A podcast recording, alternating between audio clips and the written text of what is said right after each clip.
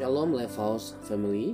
Pada pagi hari ini saya ingin menyampaikan satu renungan dengan judul Iman dan Penderitaan. Tidak ada seorang pun yang ingin mengalami masalah, kesulitan, kesukaran dalam hidupnya atau penderitaan atau aniaya. Tetapi mustahil untuk tidak kita mengalami semuanya itu di tengah dunia yang penuh penderitaan, di dunia yang tidak ideal, di dunia yang korup, di dunia yang lalim ini. Satu-satunya tempat yang mana kita tidak akan mungkin lagi mengalami penderitaan, kesusahan, duka cita, aniaya, kematian, hanya satu, yaitu langit baru, bumi yang baru. Lalu yang menjadi pertanyaannya adalah apa dan bagaimana seharusnya reaksi atau respon yang benar yang harus kita miliki sebagai orang percaya dalam kita menyikapi penderitaan. Bagaimana seharusnya kita memandang penderitaan? Seharusnya penderitaan bukanlah alasan untuk kita meragukan kasih dan pemeliharaan Tuhan, karena sejatinya Dia telah menyatakan kasih dan pemeliharaannya yang sempurna lewat karya salib.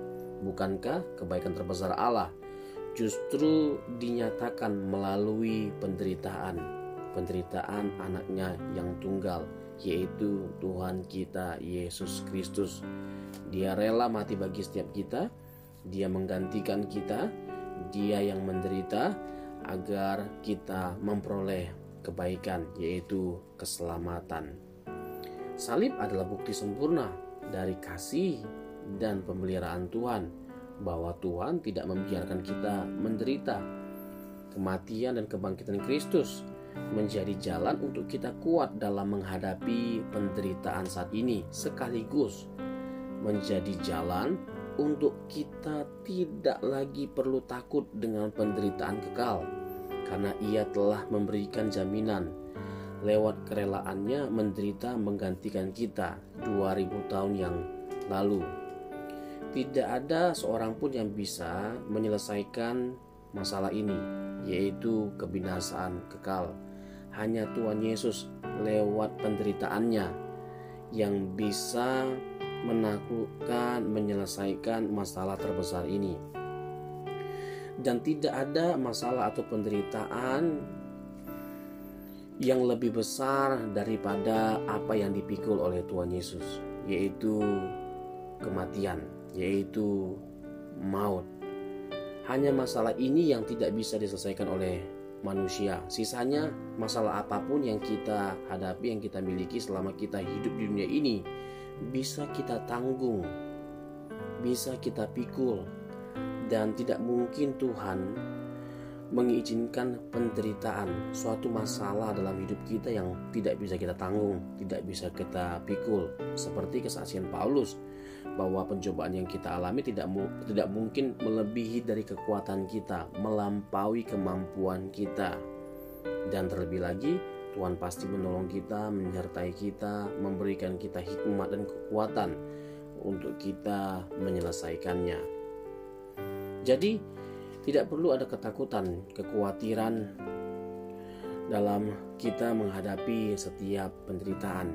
Karena janji Tuhan itu jelas bahwa Dia akan menyertai kita. Ingat, Tuhan tidak berjanji dengan uh, memberikan kehidupan tanpa penderitaan. Tuhan tidak pernah berjanji bahwa Dia tidak akan uh, mengizinkan masalah dalam hidup kita. Yang Tuhan janjikan adalah penyertaan dan memberikan kekuatan agar kita dimampukan. Pernyataan Paulus dalam Filipi 3, maaf, Filipi 4 ayat 13 adalah bukti yang menunjukkan bahwa Tuhan itu pasti menyertai kita. Paulus berkata, segala perkara dapat kutanggung di dalam dia yang memberikan kekuatan kepadaku banyak masalah yang dihadapi oleh Paulus secara khusus dalam pelayanannya. Tetapi sebanyak apa pun perkara atau masalah yang dihadapi oleh Paulus, Paulus kuat. Paulus bisa menghadapi menaklukkan semua masalah itu karena apa? Karena Tuhan ada bersama dengan dia. Karena Tuhan memberikan kekuatan bagi Dia. Begitu juga dengan kita. Tuhan pasti menyertai kita. Tuhan pasti menolong kita, memberikan kepada kita kekuatan.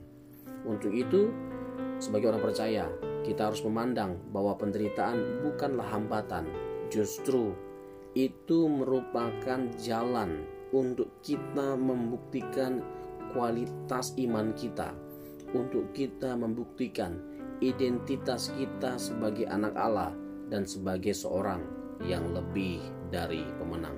Tuhan Yesus memberkati.